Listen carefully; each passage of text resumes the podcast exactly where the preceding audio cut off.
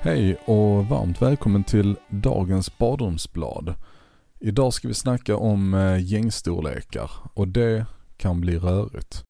Följande är en konversation som återkommer lite då och då för mig.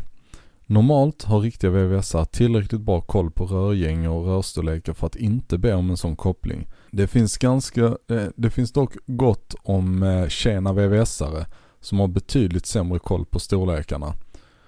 Jag behöver en rak tolva. Okej. Okay. Är det mellan två nakna kopparrör du ska använda den? Nej, jag köpte ny blandare och den har en 12 på flexislangen. Om du menar att den har en mutter i änden som ska anslutas ner mot inkommande vatten så är det ingen 12. Vad är en 12 då?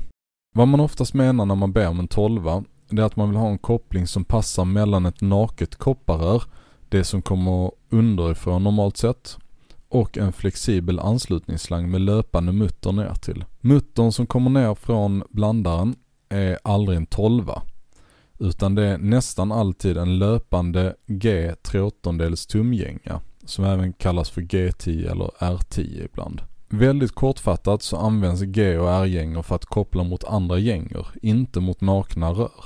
När man kopplar ihop två kopplingar är det viktigt att de har samma gängstorlekar. En klämringskoppling, det vill säga 10, 12, 15 och så vidare. Det betyder att den ska anslutas mot ett naket kopparrör med samma ytterdiameter som kopplingen heter. Det vill säga en 12 passar tillsammans med 12 mm kopparrör, inte med 10 mm eller 15 mm kopparrör. I detta fallet är det enda relevanta att kopparröret har samma diameter som kopplingen. Gängorna spelar här ingen roll. En del tillverkare av klämringskopplingar använder sig av gängstorlekar baserade på tum medan vissa använder det metriska systemet som utgångspunkt. Därför kan man få olika gängstorlekar på olika klämringskopplingar.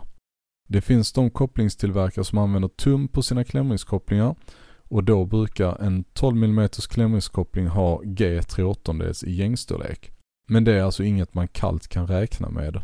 Förutom själva storlekarna på gängorna så måste en koppling som ska kopplas med en anslutningsslang som har en löpande mutter ha en plan yta mot gummipackningen. Annars finns det risk för läckage. Har man ändå en klämringskoppling hemma med rätt gängstorlek som man vill fortsätta använda, då behöver man alltså en planadapter för att göra om den vassa kanten till en plan yta. Tack för att ni lyssnar på dagens eh, badrumsblad. Om det här blir för rörigt så kan ni gå in och eh, läsa artikeln. Den finns på badrumsbladet.se.